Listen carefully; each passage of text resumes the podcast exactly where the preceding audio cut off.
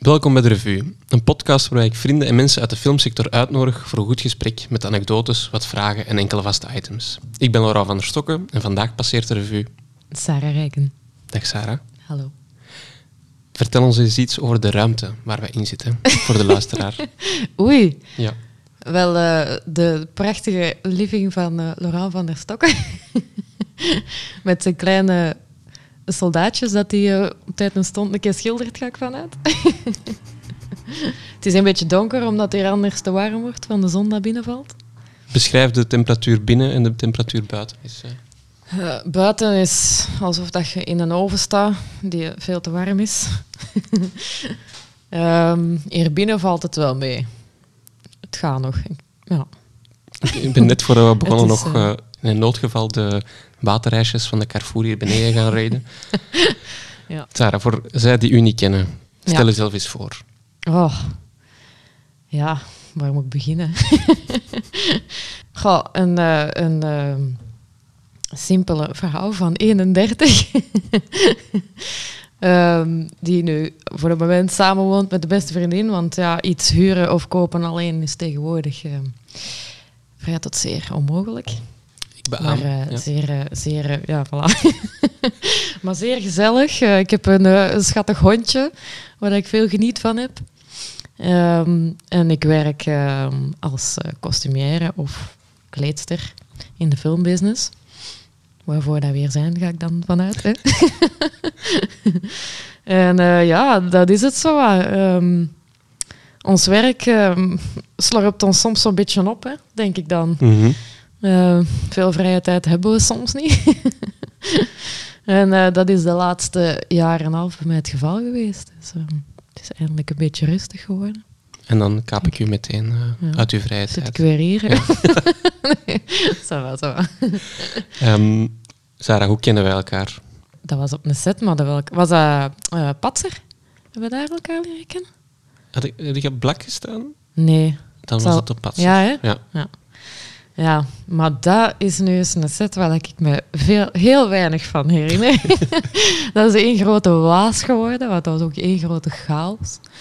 Um, maar ja, daar hebben we elkaar leren kennen. Huh? En dan samengewerkt op je kortfilm, mm -hmm. waar ik de kostuums ontworpen gemaakt heb. daar gaan we zelfs nog op terugkomen. Ik stel voor dat wij naar het eerste segmentje van de podcast gaan. Alright. Ik weet niet of dat je toevallig al een aflevering van de podcast hebt geluisterd. Nee. Dan wacht er een leuke Misschien verrassing. een beetje expres. Ja. um, want er zijn nog geen jingles voor mijn categorieën. Dus ik vraag aan mijn gast om ter plaatse een jingle te verzinnen. Uh, en dat is voor het item uh, genaamd nostalgie. En je okay. krijgt nu drie seconden om eentje te verzinnen. Om een jingle te ja. verzinnen? Ja, mag eender wat zijn. Maar ik weet niet eens hoe of wat. Het moet gewoon nostalgie. Moet het nostalgie. beamen of omvatten. Het enige dat, ik nu, dat nu in mij opkomt, ik weet niet waarom, maar ze van die heel oude gsm-geluidjes. maar ik kan dat bijna niet nadoen. Eens te meer gaat ervoor. doe doe doe. Zoiets. Okay. Dat is ook zo'n typisch gsm-geluidje. Ja. Van die oude dinosaurusjes. oh, ja. Sarah, wat Ja. is uw eerste cinema-ervaring dat je je herinnert? Oh my god. Ik dacht eerst, oh ja, Disney-films. Maar ik denk niet dat ik ooit een Disney-film in de cinema gezien heb. Kan, hè? Ja. Ik denk dat ik ooit een keer een, een Jurassic Park in de cinema gezien heb en dan een paar weken niet geslapen heb. Dat vooral. dat is zoiets dat mij wel bijgebleven is, maar voor de rest... Maar keek je dan meer Maar- films thuis? Of, uh, Ik denk het wel. Ik ging niet zo heel veel naar de cinema eigenlijk, de cinema? denk ik. Wat was, wat was ik de cinema? Was dat een uitzondering of zo? Eigenlijk. Ja, erg. Ik heb dat zelf ook wel een beetje. Dat mensen mij soms zo dingen kunnen vertellen dat ik niet meer Ja. weet. Van. Zeker van als ik echt nog klein was. Ja, dat is heel erg. Maar, ik denk dat wij sowieso wel veel meer thuisfilms keken. Ja. En we- weet je nog welke film dat je... wel- Welke film zit er nog in je herinnering van die Disney-films of zo? Of wat dan ook dat je toen Mm, thuis gezien hebt? Ik weet met The Lion King dat ik dat verschrikkelijk vond. Ehm, oh, ik weet ook nog ene film, dat is niet, misschien niet per se een Disney-film, maar dat ging over een panda. Ja. Zo kindjes als zo'n pandabeer uh, tegenkwamen. I don't know. ja. en die... Uh, oh, we hebben die ooit op een kerstfeest gezien. Zo'n familiefeest. Hadden ze die film opgezet en ik weet dat ik daar keihard mee heb liggen blijten omdat er zoiets fout ging met die panda, ik weet niet, in een rivier terecht kwam of zo. En dat hij misschien ging verdrinken. En dat ik naar Wenen ben, ben weggelopen. maar welke film was dat ook? Dat is ook zo een of ander oude. Maar dat was geen Disney-film, denk ik. Kind met panda. Ja, die in de rivier. Ik dat eens moeten opzoeken, ja. eigenlijk. Nee, maar... Uh, en Bambi, dat vond ik ook een erge. Ja. Dat zijn eigenlijk horrorfilms, hè, Disney. ik bedoel... Allee, beestjes die, die hun ouders kwijtgeraken. en al alleen in de wereld terechtkomen. Ja. Zo, wat de hel zelfs. ja. En weet je nog wanneer dat, wanneer dat de cinema als ding voor u duidelijker werd van hoe werkt dat? Ah ja, projector. Heb je daar ooit, ooit interesse voor gehad? Hoe is zo die technische, magische kant? Uh... Um, ik denk dat bij mij de interesse meer lag in zo, eh, zo opgaan in van die... Ja, mijn, mijn lievelingsthema is zo fantasy en zo. Ja. Maar om zo echt in die verhalen op te gaan. En dat ik nooit echt zo fel bezig was met, met um, technische dingen. Natuurlijk, ja, kostuums. Kledij is altijd interessant geweest voor mij. Misschien daarom dat ik ook zo van die fantasy stuff het, het leukste vond, omdat dat gewoon altijd heel speciaal was en heel mooi en zo. Ja, leuke details. Dus ja, ik denk dat daar vooral het meeste. Uh... En wanneer, weet je nog wanneer dat die realisatie er is gekomen van hier zit effectief iemand achter die die kostuums ontwerpt en, en maakt? Ehm, dat zou ik niet kunnen pinpointen. Maar ik weet wel, als ik ehm, Lord of the Rings gezien heb, dat blijft tot op de dag van vandaag ook mijn favorite, dat ik wel toen zoiets had van, maar dat is, van zoiets zou ik wel echt aan willen meewerken. Dat wel. Dus nu, de realisatie dat iemand daarachter zit, dat, weet, dat, dat zou ik niet kunnen pinpointen. Als je dan vergelijkt met, uh, met nu, heb je, nog tijd om naar de cinema te gaan en uh, oh my God. dingen te zien? Of is dat... Um, weinig. um, maar ik ga daar wel... Nee, dat is niet waar. Ik ga daar wel tijd voor maken als ik echt iets wil zien in de cinema. Als ik weet van... Dat is een film die je wel best op groot scherm ziet, dan ga ik dat wel gewoon proberen. Ja. Om er effectief naartoe te gaan. ja. Dus gelijk Dune of zo. Ik denk dat dat de laatste is dat ik in de cinema gezien heb. Maar ik dacht, die moeten wel effectief op groot scherm zien. Dus dan zorg ik daar wel voor.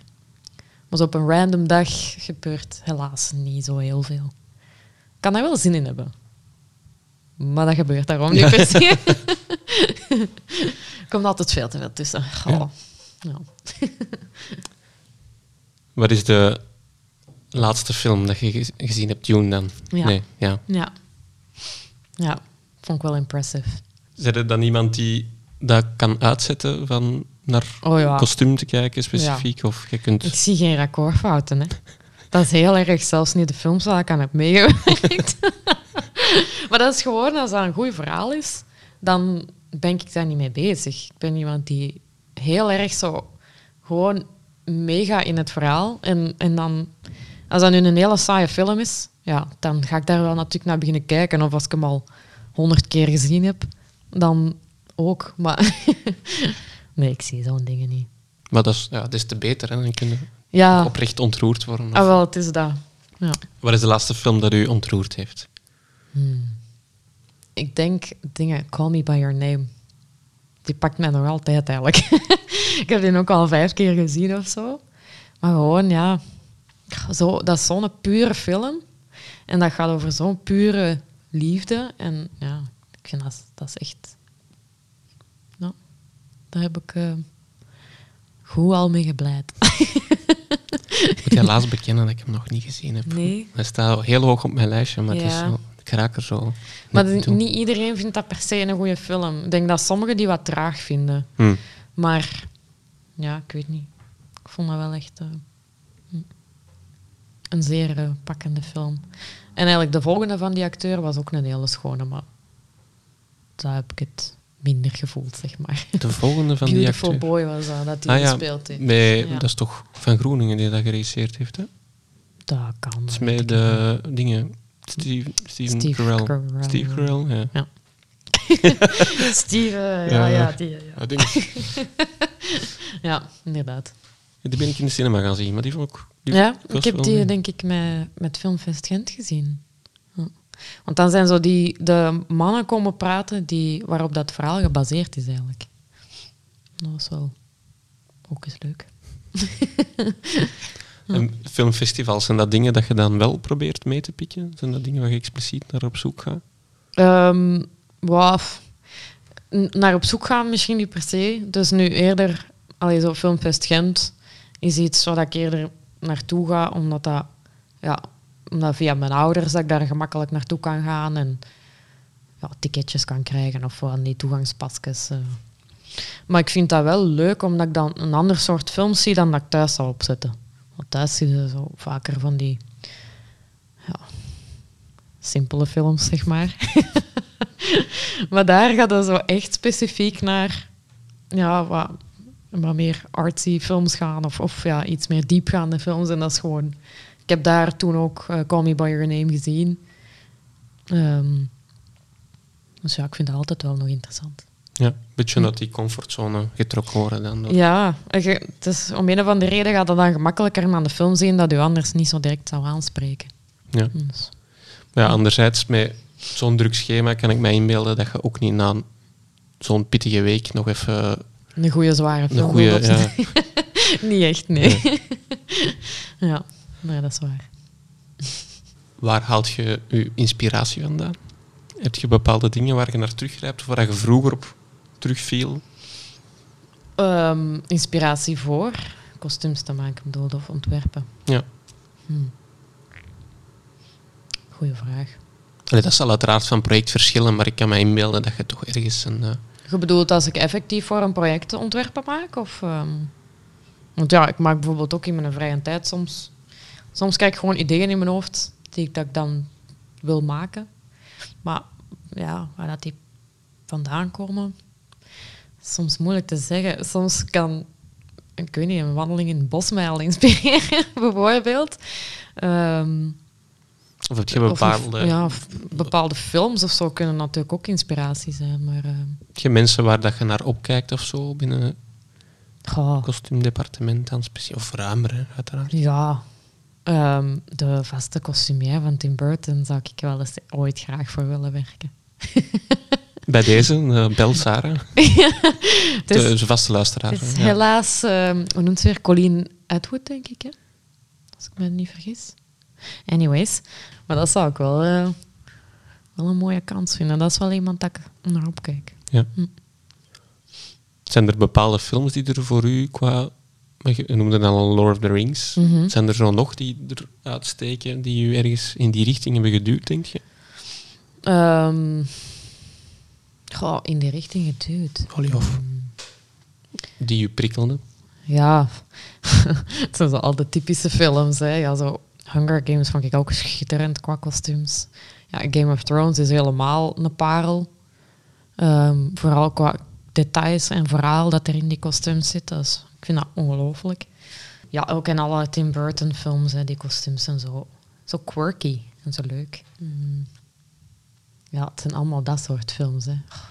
Ik ben zo'n nerd eigenlijk, als het daarop aankomt. ik zag uh, vorige week toevallig nog een, um, een analyse op YouTube van een mhm. kostumière die voor Game of Thrones de analyse maakte van... Um, ik had daar totaal niet bij stilgestaan, maar de bepaalde bevolkingsgroepen van Game of Thrones dan uh, duidelijk hun kostuums van, hun, van het land halen waar dat ze op werken. Hè. Dus dat ze uh, bepaalde kleuren aan bepaalde dingen linken. Of waar dat er vlas groeit, dat ze dan vlas in hun kostuums besteken. En, bon, ik doe het nu geen... Uh, mijn analyse is niet zo... Nee, maar, maar ik snap het. Bernadette Banner op YouTube. Bernadette Banner. Ja, die doet vooral zo historische naaitechnieken. Ah, ja. En dan maakt ze bijvoorbeeld het kostuum van Mary Poppins, maar dan hoe dat het hoe dat zou Edwardiaans zou moeten zijn. Mm. Oh, dan moet eens doorsturen, die naam. dat moet ook volgen. maar vond ik nog zo tof? Ah ja, zo Harry Potter. Waren ook altijd zo'n toffe kostuums, hè. Maar dat is, zo, dat is eigenlijk nog... Het is niet helemaal zo onbestaand per se. Allee, dat zijn zo nog wel... Misschien zo wat meer richting de historische kant, maar zo... Ik vind het altijd leuk als er zo kleine details aan veranderd zijn, wat dat die heel speciaal maakt. Dat vind ik altijd wel. En um, is dan ook een soort van wereldcreatie dat u daar dan in intrigeert? Ja, dat het pikken overstijgt? Wel, ja. ja, waarschijnlijk. Zo'n andere wereld waar we naartoe kunnen ontsnappen. dat mag altijd. Kun jij ons iets vertellen over uw parcours? Als in, wat is uw opleiding en dan hoe is dat verder oh gegroeid? Hoe zijn in de sector gerold? Gerold. Ja. Het, zou, het is eerder gestrompeld, denk ik. Maar bon, het is geen, eh, geen uh, mooi aangelegd patje, om het zo te zeggen. Allee, ja, ik mag niet klagen eigenlijk. Maar.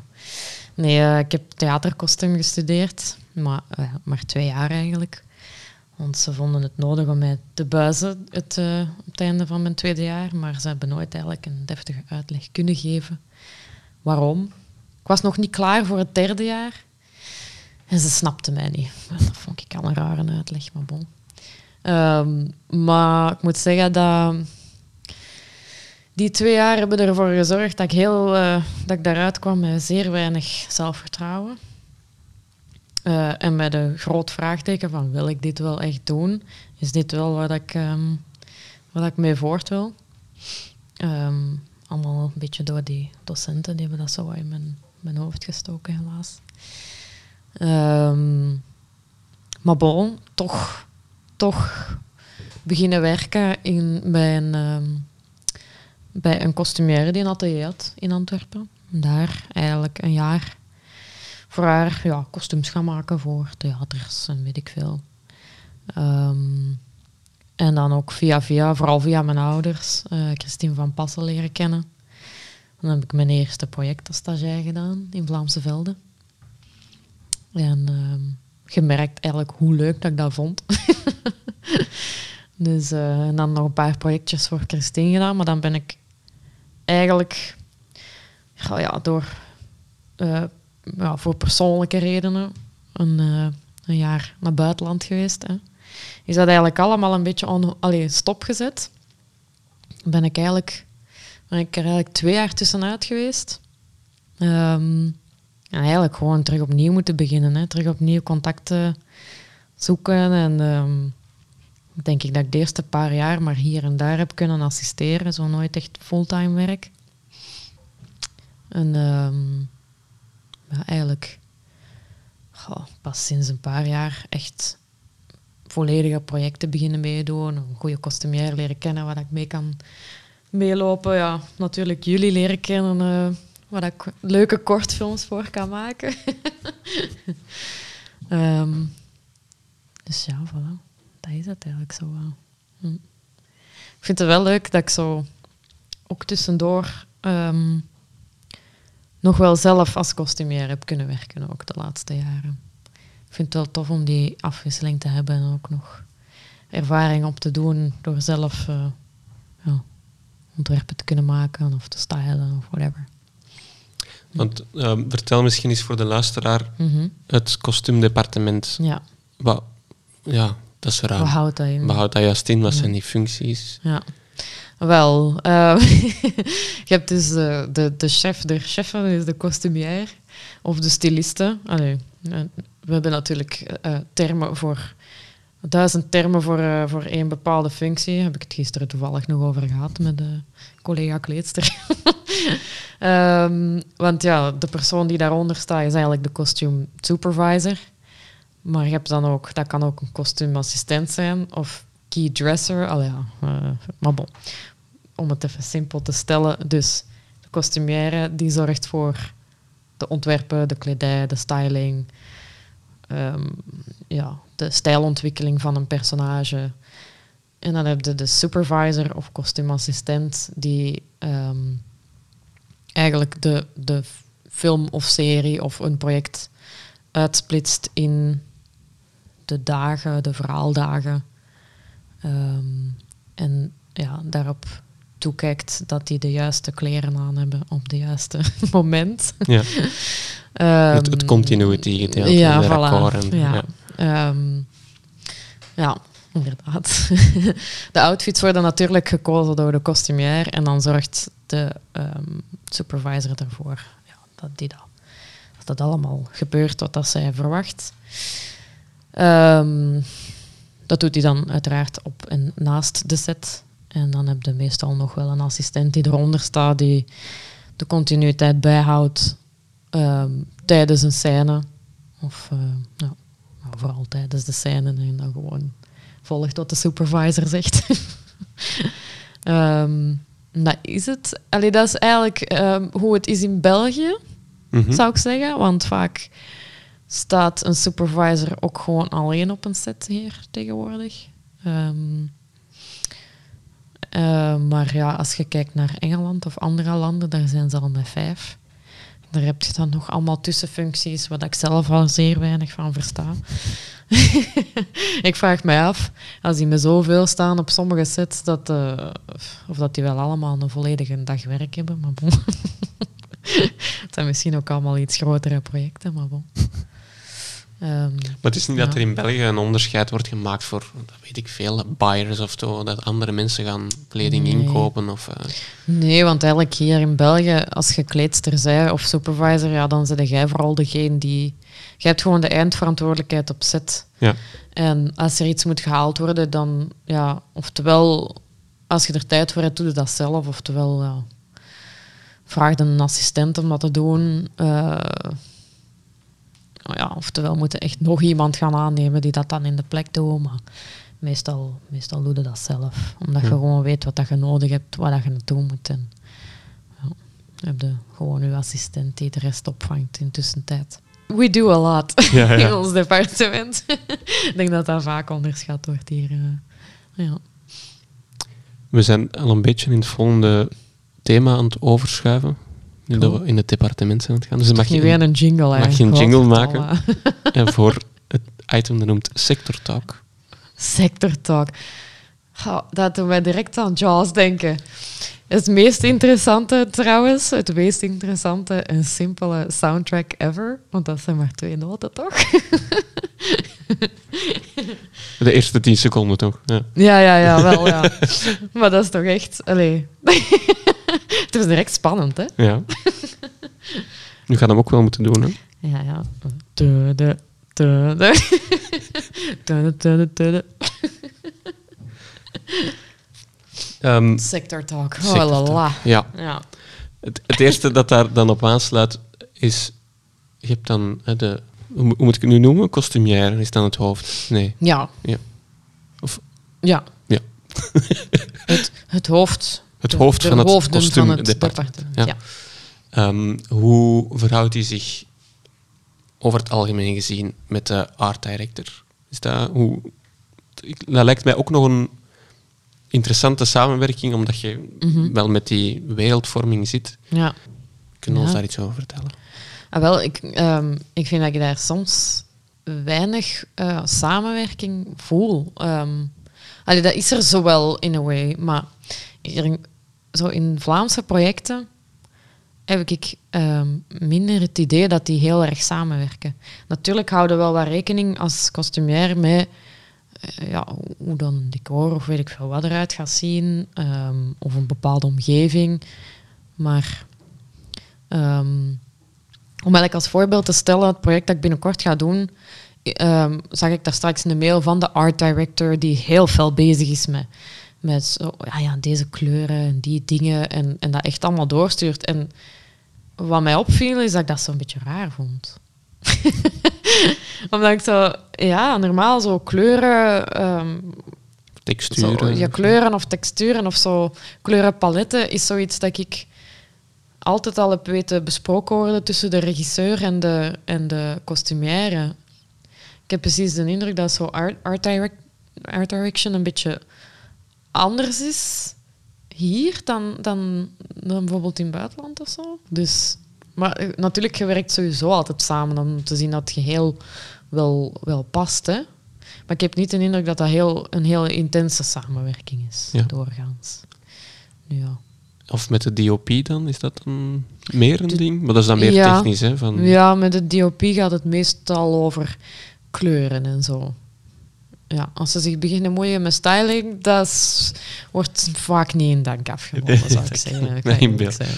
maar ik, ik, ik, denk dan eerder aan... Uh, ja, zijn dat dan testdagen met acteurs ook voor ja. zo fitting, cameratesten uh, gebeurt Maar er zijn ook wat dat wij vaak horen is ja, de, de DOP dat zegt ja, geen wit of zwart, alleen zo weinig mogelijk. Um. Of moiré patroontjes. van ja, die, dat sowieso al niet. Um, maar ja, bijvoorbeeld, um, ik hoorde dan het eerste seizoen van Onder Vuur, die DOP, die had iets tegen groen. Dus toen hebben ze heel weinig groen gebruikt. Bijvoorbeeld. Dus ehm, zo van die dingen, dat gebeurt wel. Ja, daar wordt natuurlijk dan wel rekening mee gehouden. Ja. Willen we eens door een hypothetische film gaan? Stel, ik ben Laurent en ik heb een hypothetische film. Okay, en ik benader jou. Hoe, hoe zou dat evolueren? Hoe pakte jij zo'n dingen aan als er iemand... Of is het meestal niet in die richting?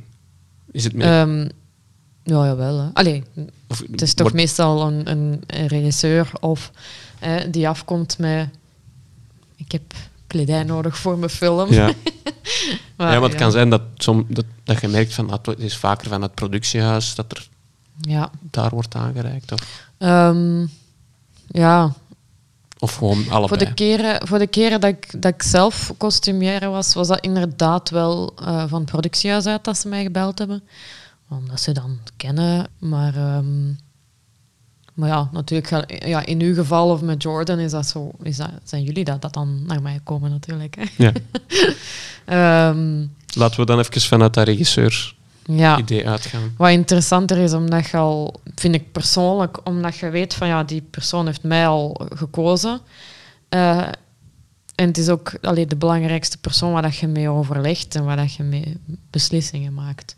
En dat begint al op een, denk ik, een betere basis dan als je zo door een productie binnengebracht bent. Ja. Um, maar ja, dat heeft misschien eerder met zo zelfvertrouwen te maken of zo. Maar ja, hoe gaat dat? Ja, wat, heb ik, wat heb ik nodig als ja, iemand... Verwacht, wat verwacht je van mij als ik uh, Ja, wat heb ik nodig is, is ja, uiteraard eerst en vooral het verhaal. als we dat niet hebben, dan wordt het al moeilijk. Ja, um, ja de, de, de um, karakters van de personages. Um, uh, en, en het verhaal dat we daarmee willen vertellen, vooral, is belangrijk. Um, ik vind dat soms ook het interessantste dat er is. Um, welk verhaal wilde vertellen met uw personage en, en met, met de kledij dat hij draagt of de make-up of weet ik veel. Um, ja, dat is eigenlijk het belangrijkste dat ik nodig heb. Gewoon, ja, het, de, en natuurlijk het thema, uiteraard. en de stijl en, en de voorkeuren van de regisseur, zoals uh, geen groen. of geen ruiten. Of, uh, ja. uh, of geen schone, weet Ja, alles kan tegenwoordig. nou, dat bijvoorbeeld. En dan stel je zij verkocht en de regisseur ook over het verhaal. Allee, ik hoop dat de regisseur al verkocht is over het verhaal als hij begonnen. Dat is wel de basis, zou ik zeggen. um, wat is dan uh, concreet de volgende stap? Uh, Laat ons zeggen dat er al een cast is en zo. Dat je... Ja, um, best dat je dan direct de, de mate van de cast hebt, foto's, uiteraard dat je ziet welk type persoon dat is. En... Um, Natuurlijk, ja, je maakt eerst je ontwerpen, hè, ehm, de ideeën, maar ja dat, ja, dat doe je dan gewoon in samenspraak met de regisseur. En dan begint je inderdaad met het maakproces of het stylingproces, met de mate van de acteurs. Hè. En, ja. en de ontwerpen, hoe, hoe pak je dat meestal aan? ja. ik heb geen, geen, denk ik, geen concrete... Um, het is geen uh, tien stappen Sarah-plan. Nee, oh, ik ben soms zo'n chaos. Als dat, ik kan ook tien dingen tegelijk doen, tien verschillende dingen. Ja. Dat is echt geen, geen, geen goed ding. Allee, dat is, vind ik persoonlijk. Ik zou liever zo één ding met een keer afwerken, maar bon. Uh, we zijn wie dat we zijn, weet je. um, nee, ja. Eerst ga ik proberen een, ja, een ontwerp op papier te krijgen waar we beiden dan gelukkig mee zijn. Alhoewel, in uw geval heb ik dat dan niet gedaan. Uh, maar eerder gewoon gaan zien voor goede toepasselijke stoffen. Maar ja, daar was het belangrijkste dat ook historisch um, wel klopte. Ja. Alhoewel, ja, daar was toch ook een beetje een kleurvoorkeur. Hè, voor, uh, er zat wel een evolutie in. Ja. Ja. ja. Ja. dus dat moet dan... Uh, is best dat dat vastgesteld wordt. en in andere gevallen, ja, um, voor andere kortfilms heb ik wel eerst ontwerpen op papier gezet. Als we daar gelukkig mee zijn, ga ik daar dan de juiste stoffen voor uitkiezen. Um, ja, poging tot patroontekenen doen, want ik heb het nooit echt geleerd. Ik doe heel veel op het gevoel, helaas. of met bestaande patronen die ik aanpas um, naar wat ik wil of in mijn hoofd heb. Um, en dan met de mate van de acteurs ja, aan de slag gaan. En alles in elkaar steken. en hopen dat het tijdelijk af is. ja. En dan, uh, en dan ga je waarschijnlijk naar een eerste fitting. Mm -hmm. Hoe, uh, wat voelt je als je naar zo'n eerste fitting gaat? Oh my god.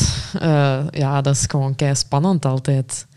Um, zeker omdat als je, ja, als je een persoon nog, alleen van acteur nog niet kent, is dat soms heel moeilijk om te weten van ja, gaat dat goed passen op die, op, op die persoon? Want ja, van een foto je veel zien, maar ook niet alles. Um, en ja, gaat wat ik gemaakt heb goed passen? Gaat de regisseur content zijn? Allee. Um, nu, ondertussen weet ik ook wel dat het niet altijd van de eerste keer goed is. En is dat ook niet erg. Maar dat is toch wel, ik vind dat toch een, een moeilijk ding. Maar dat is, ja, je wilt natuurlijk altijd dat het van de eerste keer goed is. Hè, maar ja. maar um, ja, dus um, als het dan uh, niet goed zal passen of, uh, of niet, niet goed is qua I don't know, ontwerp, kleur, stof, ja, dat is gewoon aanpassen of opnieuw beginnen. Ja. ja. Dus, zit niks anders op. en die, die eerste fitting is dan ja, vaak ook de, de eerste moment dat je je acteurs leert kennen. Wat, ja. zo de, ja, wat zijn zo de verschillende relaties dat je met acteurs hebt? Heb de indruk dat ze daar meestal heel open voor staan? Voor ja, dat hangt van acteur tot, uh, tot acteur af uiteindelijk. Hè. Uh, sommigen zijn super meegaand um, en denken mee of zijn mee in uw idee.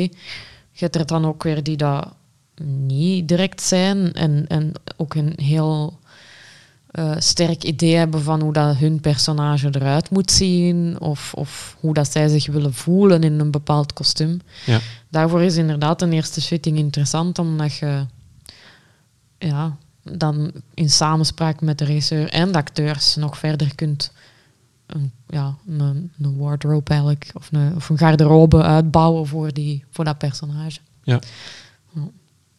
ja. sommige kunnen natuurlijk gewoon moeilijk zijn, omdat ze gewoon er graag goed uitzien in hun kleren. Ja. Dat, dat hebben we dan ook weer. Maar ja, daar moet je ook wel rekening mee houden. Ik vind persoonlijk het belangrijkste dat een acteur zich goed voelt, op zijn gemak voelt in zijn kleren. Um, het is natuurlijk, het is, allez, geven en nemen vind ik langs mm -hmm. beide kanten. Um, maar dat vind ik het belangrijkste, dat ze op hun gemak zijn en dat ze voelen van oké, okay, ja, voor, mij, voor mij klopt het. Ja. Ga je soms ook expres op zoek naar, um, voor bepaalde personages, dan naar, ook naar een gevoel in kleding van misschien iets losser of iets belemmerender? Ja. Uh. ja. Ja, um, afhankelijk van misschien hoe dat ze zijn in, in, op een bepaald moment in het verhaal of zo. Of, of ja, afhankelijk inderdaad van hun, van hun karakter of weet ik veel. Dat inderdaad, um, dat je wel zo ja, voor inderdaad lossere of vastere, of, of meer strakke kleren gaat. Of, Want ik herinner me bijvoorbeeld specifiek bij, mm -hmm. bij Papa Brengt de Wereld mee, dat we voor de, zowel voor de moeder als voor Annabel op, bij bepaalde scènes wel echt ja. de corseteringen gaan opzoeken om net die, die ja. ja, wat, het wat strenger te maken in feite, ja. ja. Ja, dat zijn zo de dingen waar dat je... Allee, ja. Het zijn ook um, aspecten waar dat je mee kunt spelen. Niet alleen kleuren of stoffen of, of um, uh, texturen, maar ook inderdaad hoe iets aanpast. Um, en natuurlijk ja, bepaalde stijlen. Hè. Als iemand heel stijf moet zijn of heel los of zo. Of. Ja. Maar dat hangt eigenlijk ook gewoon allemaal samen met wie de personage is uiteindelijk. Voor u specifiek, gaat je liever shoppen en samenstellen of maakt je liever? Um, hmm. Zo shoppen en samenstellen, dat is wel leuk, maar ik, denk dat ik dat toch net iets minder interessant vind. Maar realistisch gezien, ja, om zo altijd dingen te maken, ja, dat, dat is gewoon... Alleen vooral hier in België ja, is het veel meer styling. Eh, shoppen en, en, en samenstellen. Ehm, dan maken. Want ja, de kansen dat ik heb om, om iets te maken is meer zo met kortfilms of zo. Um, waar dat er iets, iets um, specialere thema's zijn. Um, dat mis ik wel, moet ik zeggen. Allee, ik vind het interessanter om echt ontwerpen te hebben en onbestaande dingen te realiseren. Ja. Hm. Dat zou ik leuker vinden, maar ik weet dat dat hier in België ook niet echt een grote markt voor is, zeg maar. ja, het, het jammer is dan, het is dan misschien leuker en uitdagender, maar dan zijn vaak ook wel projecten waar het ja, budget dan misschien gelimiteerder is. Ja. ja. Moet een beetje een balans blijven natuurlijk. Mhm. dus, Ja. Ja, helaas. Budget. We waren in onze eerste fitting en uh, die is heel mhm. goed gelopen. Wat um, tof. Ja. uh, misschien her en daar een iets klein. Ja. Um, wat is dan de volgende stap? Ja, verdere afwerking, verdere toevoeging van details. Uiteraard ook in samenspraak met regisseur. Uh, en met details doe ik dan effectief, als je kostuums maakt, ja, afwerkingen, uh, ja, al is het, uh, misschien mijn, mijn voeten, al is het een, een lint op een, op een, op een mouw of zo. Allee, ja, om het even heel simpel te stellen. Mm -hmm. ja, en, en vooral dan, allee, als, er, als het allemaal oké okay was, fittinggewijs, gewoon zorgen dat we, dat we alles hebben en genoeg hebben voor het aantal uh, verhaaldagen dat er zijn. En, en, uh, en de alle kleren binnenste buiten maken, reverse. Ja.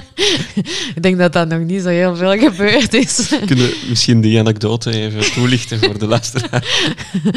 oh man, ja. ja.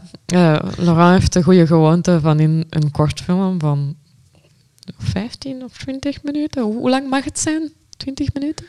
Maar kortfilm mag veel zijn, hè? maar meestal is het toch onder het half uur. Mm, toch... Onder het half uur toch uh, een stuk of twintig verhaaldagen te steken. En je moet dat dan natuurlijk uh, zien gevuld te krijgen. dus uh, bij gebrek aan, um, aan middelen um, heb ik kostuums dubbelzijdig gemaakt.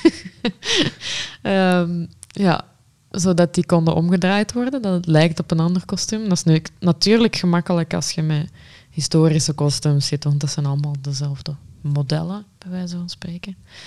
Um, ja, en, en ik heb alles combineerbaar gemaakt, in de mate van het mogelijke, om uh, ja, toch het, het veranderen der dagen uh, aan te geven. ja. Maar eh, ergens zijn we daar ook wel een beetje dichter bij de geschiedenis gekomen, in die zin omdat je je hebt wel allemaal andere looks, mm -hmm. maar je gebruikt wel je kleding dat je in je kast hebt hangen, wat ja. ze toen ook deden. Hè? Ja. Dus ja, voilà. Je hebt geen nu, of dat zijn kleren binnenste buiten. Nee, dan, dat bedoel ik niet. Maar ik bedoel, de, um, de outfits die terugkomen grijpen wel terug naar aan een rok die we al eens gezien hebben. Ja. ja. Op die manier bedoel ik het dan. Ja. ja. ik kan niet zeggen dat ze drie dagen in verschillende kringloopcentra textiel zijn gaan selecteren. Oh, man, dat was goed. Maar dat trouwkleed, dat blijft toch wel echt een goede vondst geweest te zijn. Hè? Oh, ik heb nog geen trouwkleed hangen nog ongebruikt.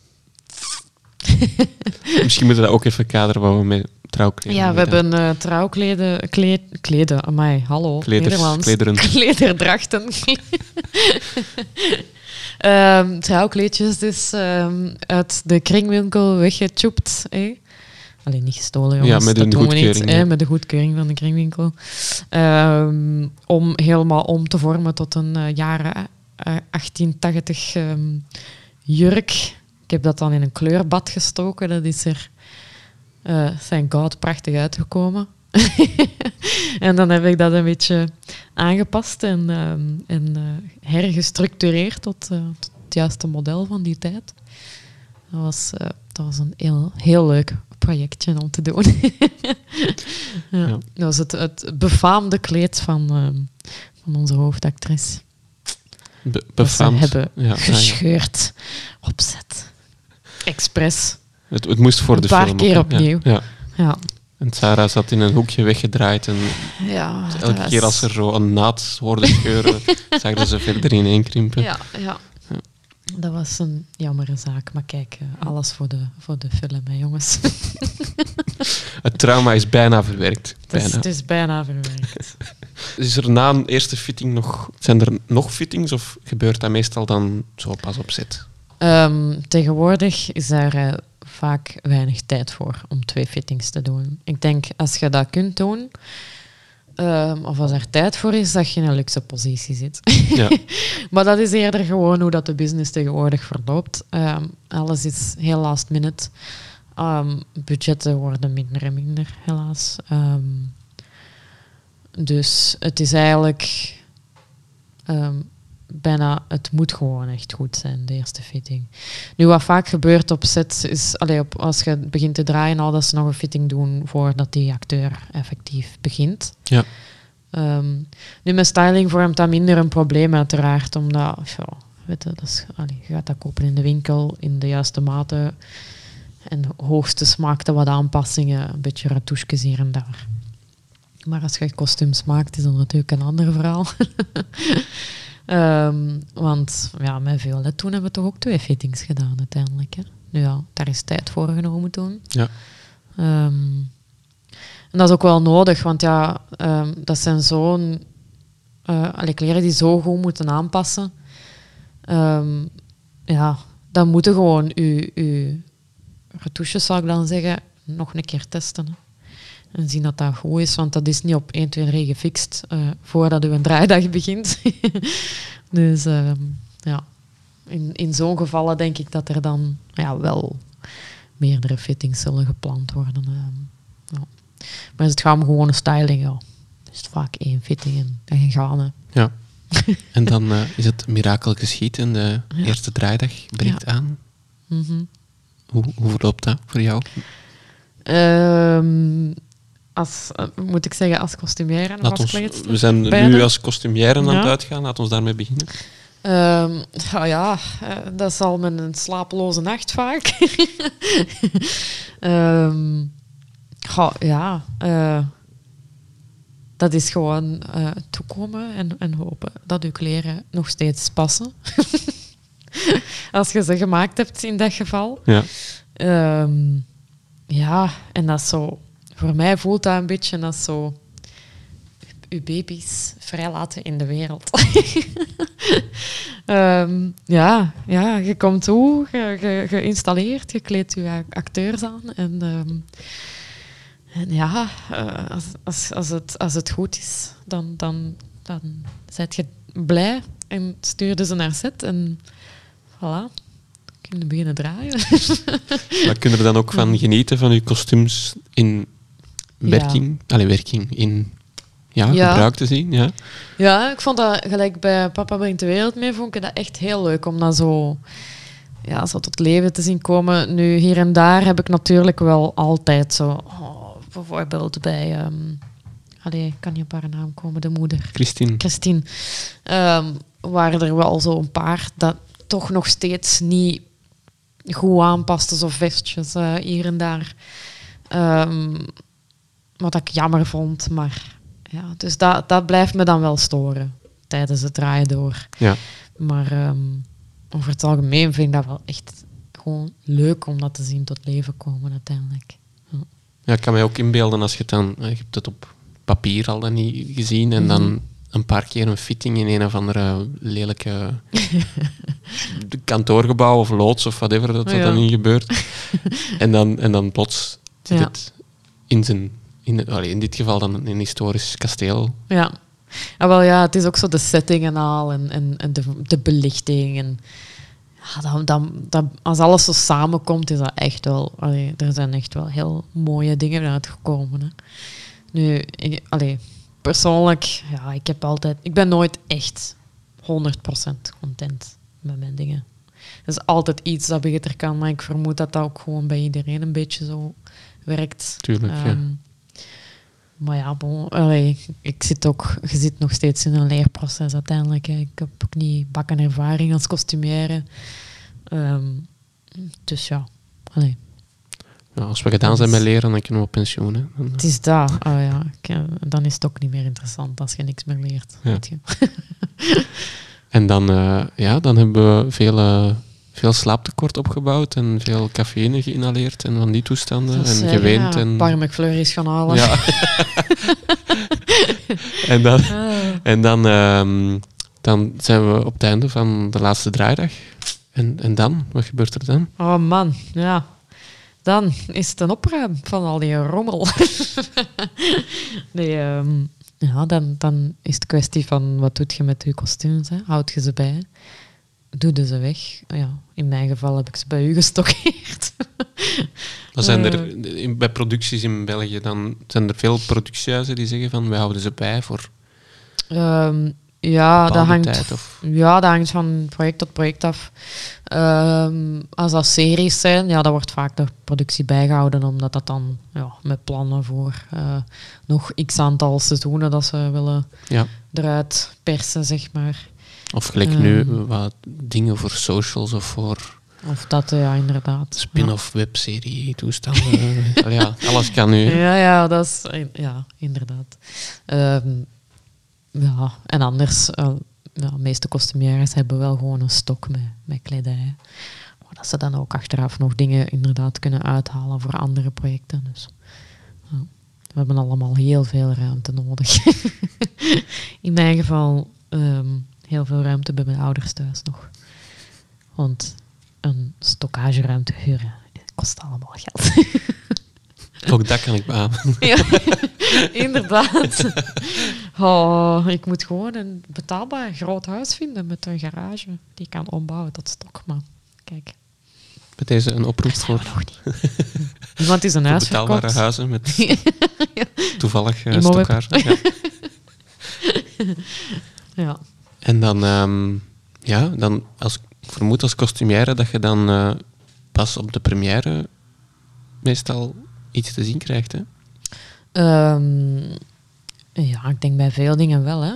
Of dat er zo vies is tussendoor misschien, dat ze doen. Maar um, ja, dat is vaak ook alleen voor regisseur en zo, hè. En acteurs misschien. Ja. Maar ja. Allee. Uiteindelijk is dat toch maar beter om, om, denk ik dan, om het afgewerkte product te zien dan zo nog een, een tussendoor ding dat nog, dat nog niet af is. Ja. ja. Doorheen nu de laatste paar jaar gaat het er, er straks al een beetje over. Mm wat, wat, is zo de evolutie dat je hebt gemerkt? In, uh, in de film? Ja, in de film en dan ja. voor kostuum specifiek? Of, uh, ja, niet zoiets positief, uh, helaas. Allee, ik vind, wat ik voel de laatste jaren, is dat er um, minder en minder aandacht wordt geschonken aan um, kwaliteit, denk ik. Um, en misschien ook het creatieve. Ik denk, ik voel zelf dat er te veel aandacht wordt geschonken aan, aan hoe snel kunnen we het doen en voor hoe weinig geld kan het. Um, ik, voel, ik voel, hoor en, en heb constant discussies over budgetten en tijd. En um, allee, in mijn geval nu veel als kleedster voor uh, hulp te krijgen, is zelfs is al een gevecht. Um, en ik vind dat zeer jammer, omdat ik, vind, allee, ik denk dat je dat ook ergens wel een beetje merkt, dat kwaliteit verloren gaat daarin. Um, allee, wat maken we nu soms ook deze dagen? Allee, ja. om niet alles, uh, het is niet om alles uh, naar beneden te halen, maar er, zijn ook nog heel, er worden ook nog heel mooie dingen gemaakt. Maar um, dat is een, een, een dingetje dat mij heel hard stoort, eigenlijk. Is dat, maar is dat een beetje een, een uh, sinds corona-tendens, of het gevoel dat er voor al bezig was? Um, ik denk dat dat ervoor ook al wel was, hoor. Ja. Maar ik denk dat dat zo'n beetje in een stroomversnelling gegaan is, wel sinds corona. Ja. Ehm, alles is, is zo ingekort en samengeperst. En, en, en je moet alles aan 10.000 per uur doen of zo. Ehm, waardoor dat er heel veel verloren gaat. Ehm, en waardoor dat je heel veel mist ook, denk ik. Als in missen, als in dingen vergeten of dingen eh, over het hoofd zien. Um, dat misschien wel belangrijk zijn voor de kwaliteit van, van, van je werk. En wat dat je aflevert. Ja. Ja. ja dat is een tendens. Ik denk dat we het er in de podcast ooit al eens hebben over gehad. Maar mm tijdens corona konden dan gewoon op nationale tv mhm. een Zoom-gesprek met een brakke microfoon uitzenden. Ja. Hè? En dat is dan, dan denken bepaalde mensen van, ah ja, als dat acceptabel is, dan wordt het lat zo laag gelegd dat, mm. dat ja, ja. er een zekere nonchalance in slaapt of zo, ik weet het niet. Ja, is er nu ook niet onlangs een, uh, een mini of een webserie opgenomen met een iPhone of zo, weet ik veel, zo aan die fontonten? Dat gebeurt, ja, ja, ja. ja. Allee, dat hoeft niet per se slecht te zijn, maar... Nee, allemaal goed en wel. Maar ik denk, dat is inderdaad gelijk dat jij zegt. Ze denken, ah, het kan ook zo simpel zijn en zo goedkoop. Maar... Mensen kijken nog als, als iemand zelfs vanaf die afstand met een heel slechte microfoon aan het spreken is. ja, voilà. Uh, dan, kan, uh, ja, weet je, dan moeten we... Dan ja. parkeren we een pers op een, een, een, stand in een hoek en dan is het ook wel oké. Okay. Ja. Dan krijg je van die toestanden. Dat ja. is niet wat we naartoe willen. Nee, voilà. En, ja, het is, het is niet al, ja, het is, het is langs alle kanten voel ik dat dat echt. Ja. En ze hebben allemaal grootse ideeën, maar het trekt soms echt op niks, omdat er gewoon te weinig uh, aandacht aan geschonken wordt om dat ja, goed te maken, denk ik. Maar ja. En nog zoiets dat ik heel erg vind, is dat ze denken dat ze departementen kunnen samensmelten. Dat is echt niet. Bijvoorbeeld kostuum en make-up. Dat, dat, dat, dat, die vlieger gaat niet op, ik zal het zo zeggen. Ja, ja. um, dat hoor ik ook heel veel um, dat dat gebeurt. En ja, als we zo gaan beginnen, dan, dan denk ik dat, het, dat een business helemaal uh, een shitshow wordt. Ja. ja, dat is een tendens die denk ik een beetje vanuit pub komt, waar dat je dan een kostumier net die wel outfits samenstelt, maar dan op set is er enkel make-up die dan ook kleedster is. Of zo. En dan, ja. Ja. Bij pub is dat al limiet ja. eigenlijk al not done, maar dan beginnen ze dat ook naar andere dingen door te trekken. En dan is het helemaal... Ja, het was, het is, uh, ik ben een, een, tijdje terug ook zo een webserie... Ge, allee, heb ik die gerateerd omdat er geen budget was voor kostuum. Um, dus hebben ze ja, een of andere make van make-up dat laten opvangen. Maar ja, als jij Allee, dat is een ander departement for a reason, you know. ik bedoel, allee, ja, dan, dan, dan heeft hij dus continuïteit moeten bijhouden over twee departementen. I mean, good fucking luck, hè. Allee, sorry voor mijn taal, maar... Maar het getuigt dat er beslissingen worden gemaakt van mensen die eigenlijk niet, nog niet zo vaak op zet hebben gestaan of toch niet goed beseffen wat er Nee, of alleen denken aan de dollar signs, you ja. know. ja. ja. En dat is, uh, dat is jammer. Ja. Maar bon, Allee, er worden nog steeds mooie dingen gemaakt. Hè. Daar niet van. Om daar nog een klein beetje op aan te sluiten, mhm. merk je dan ook dat je bij uh, zo'n dingen later betrokken wordt of zo? Um, misschien niet per se later betrokken. Bedoelde bij een project uh, in general? Of? Ja. Mm, dat denk ik nu niet.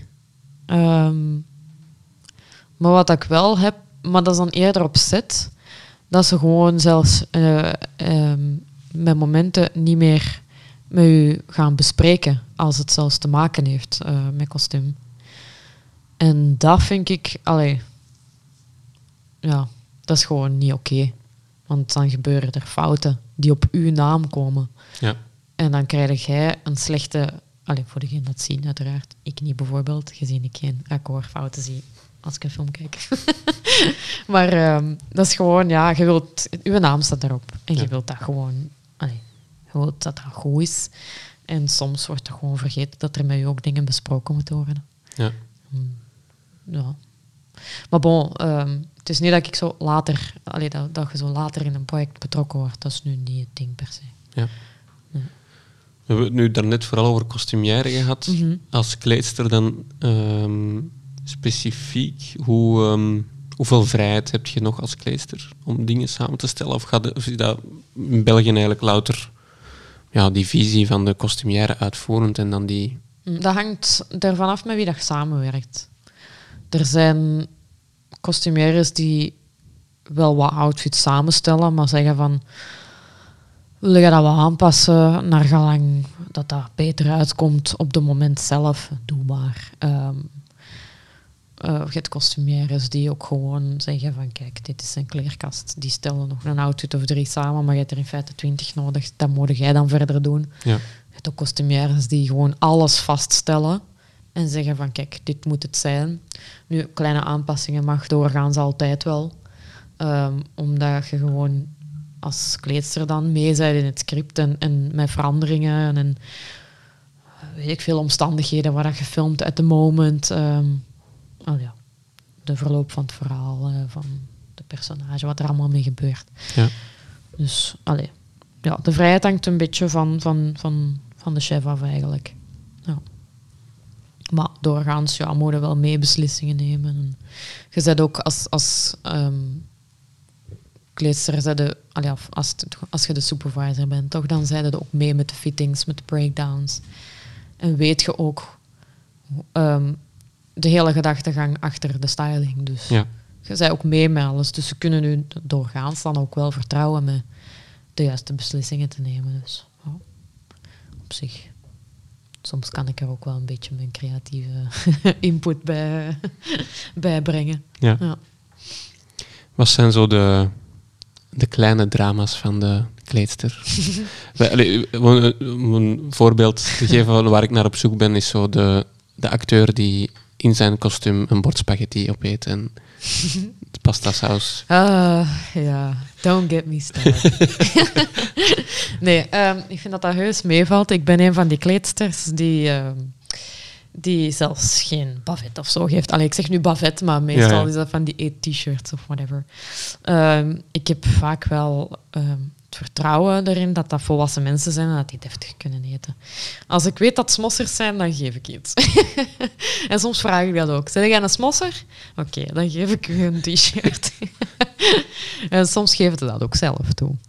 Um, en als er dan eens een vlek is, ja, dat zijn geen... Ik vind dat geen drama. Als dat, als dat direct uitgewassen kan worden um, en dat niemand erop zit te wachten, dan is dat allemaal geen probleem. Um, Nee, ja. wat zijn zo wat de drama's? of de fijne dingen. Hè? Want ergens zet je ook een beetje... Je krijgt ook ergens wel een, een, ja, een, een oude rol over de acteur soms, omdat je... ja, dan, dat is waar. En ja. Het is een, een koude avond, oké, hier is nog, ik zeg nu, een badjasje erover, of weet ik... Je hebt wel Soms voel ik me wel een moeder, ja. Oh, bij sommige acteurs is dat echt... Allee, kom. Doe eens schoentjes aan. en pak je jasje mee, hè, dat je geen kou krijgt. Ja, maar ik heb geen kou. Maar, ja, maar binnen tien minuten gaat dat zeggen dat je kou hebt. Nee, dat is niet waar. En dan binnen tien minuten komen ze af. Je hebt toch kou. Oh, story of my life. dus, um, maar dat is wel leuk. Dat zijn zo, ja, dingen dat je al dan weet uit ervaring en dan acteurs die toch zo nog tegenspreken. Dan... maar dat vind ik, ik vind dat nog wel ergens wel plezant. Allee, ik amuseer me daar wel mee. En als het leuke, aangename acteurs zijn, um, die ook gewoon goed meewerken, dan is dat gewoon echt heel prettig. En als ze gewoon dankbaar zijn voor u. Want je doet er ook wel veel voor. Hè. Je zorgt dat ze comfortabel zijn. Um, at all times, eigenlijk. Ehm, dat ze niet koud krijgen of, of, te warm hebben of weet ik veel. Als zij een bepaalde voorkeur hebben in hun kledij of in hun outfit, dan allee, je werkt daarin samen. En als je daarvoor um, appreciatie krijgt, is dat ook wel echt, allee, dat is wel tof. Ja. En dat is ook gewoon, ja, je, je krijgt wel een, een, soort band met acteurs soms, hè, dat is wel prettig. Ja. Ik amuseer me altijd wel opzet. Zijn er bepaalde leuke of minder leuke anekdotes die je je kunt herinneren? Ah, wel, ik zal je zo'n anekdote vertellen. van op ehm, het vorige project dat ik gedaan heb. Um, met een acteur wiens naam ik gewoon um, niet zal noemen. Hè. Maar dat was dus ja, geen grote rol. De nummer 12. Hè. Pak dat dat al wel een bijrol is of zo. Hè. Die had nu toevallig, deze serie, redelijk veel speciale scènes. Waar je zo dat die wordt nat gespoten ehm, en, en ja, in de open lucht helemaal doorweekt moet staan en, en half moet verdrinken in een ondergelopen ruim. um, en dus ja, um, sprekende over dat ruim, een, een visruim dat ondergelopen is. En die man die daar, of die komt daar onder water terecht, die moet daar dus gered worden. En die had dus een wetsuit aan onder zijn kleren. Alleen, of een duikpak eigenlijk, want om hem warm te houden. Ja. Ehm, maar op zich denk ik dat qua temperatuur nog wel meeviel. Nu, na een tijd in water krijg je sowieso kou. Hè. Allee, we ons geen illusies maken. um, en hij begon dus wat koud te krijgen. En um, ik hoorde ineens zeggen van... Oh, ga moeten pissen. Hè. Oh, dat is goed, want dan ga ik warm hebben. Zo, maar uh, vind ik nou echt geen grappige mop eigenlijk. Maar bon, uh, we gaan verder. Hij is terug naar set. Um, ik ben buiten set van alles aan het regelen, terwijl dat mijn assistent op set staat. Um, ik kom naar set en die, mijn assistent komt super kwaad naar mij. Een gezicht tot op de grond. En die zegt, die heeft juist in zijn pak gepist.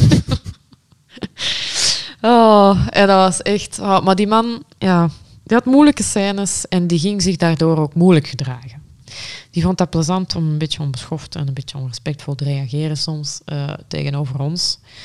Die was al heel moeilijk wat zijn outfits betreft. Uh, daar een heel idee over en weet ik veel wat. Um, maar tot daar aan toe, ik vond vooral ambetant dat hij al niet echt uh, um, respectvol was. Um, en dan gebeurt dus dat. Maar die zat dus, om even de situatie te schetsen, alleen zijn kostuum om te beginnen, om, ehm, boven dat duikpak. In dat water zat een deel van de crew, gelukkig in droogpakken. Dus dat water kwam gelukkig niet tot bij hun. Ehm, ja, wel aan hun handen en zo, maar bon. En dan nog een andere acteur. En die pist gewoon in zijn pak om dan terug in dat water te gaan. Dat is, ja, die een dag heeft productie een kwaad telefoontje gekregen van kostuum. um, ja, dat was, oh, dat was heel erg. Het ergste van alles is dat het heeft uitgesmeten op de grond en vertrokken is en dat wij het hebben mogen afspoelen. Ja. Glamorous, right? Costume department. ja, ja. It's not all sparkles and glitter. Mm. Dus um, het is geen grappige anekdote, maar um, bon, ja, het is, uh, het is het meest recente dat gebeurd is. Ja. ja. Die man heb ik misschien minder goed verzorgd dan dat ik altijd zou doen voor mijn acteurs, maar uh, achteraf dan. Eh. Maar uh, ja, voilà. ik kan me wel inbeelden dat er crewleden ook wel vaak komen aankloppen van zeg, ik heb, ik heb kou of zo. Of, ja, ja. Um, eigenlijk ook toevallig niet zo lang geleden. Um, dat het ja, heel warm was overdag, maar dan toch s'nachts heel koud werd. En dan zo, ja zeg, ik heb geen jas bij. Heb jij toevallig nog een warmtejas over? En zo, ja, allee. Zak bovenal en alle warmtejassen. Hier, pak maar jongen. dat gebeurt, dat gebeurt. Maar, ja. Alleen als het natuurlijk mogelijk is, dat je niet ineens niks meer hebt voor je acteur. Ja, ja. Op den duur uh, moet je half je crew beginnen aankleden en dan is het eigenlijk... Ja, zo warmteplakkers uitdelen of zo, dat gebeurt ook. Maar dan zeg ik, je gaat dat niet tegen Jan en allemaal gaan vertellen. Hè. En vijf minuten later staat er een rij voor iedereen. ja. Dan ga ik geld vragen. Ja. In mijn geval komen ze allemaal af met retouches. Ja.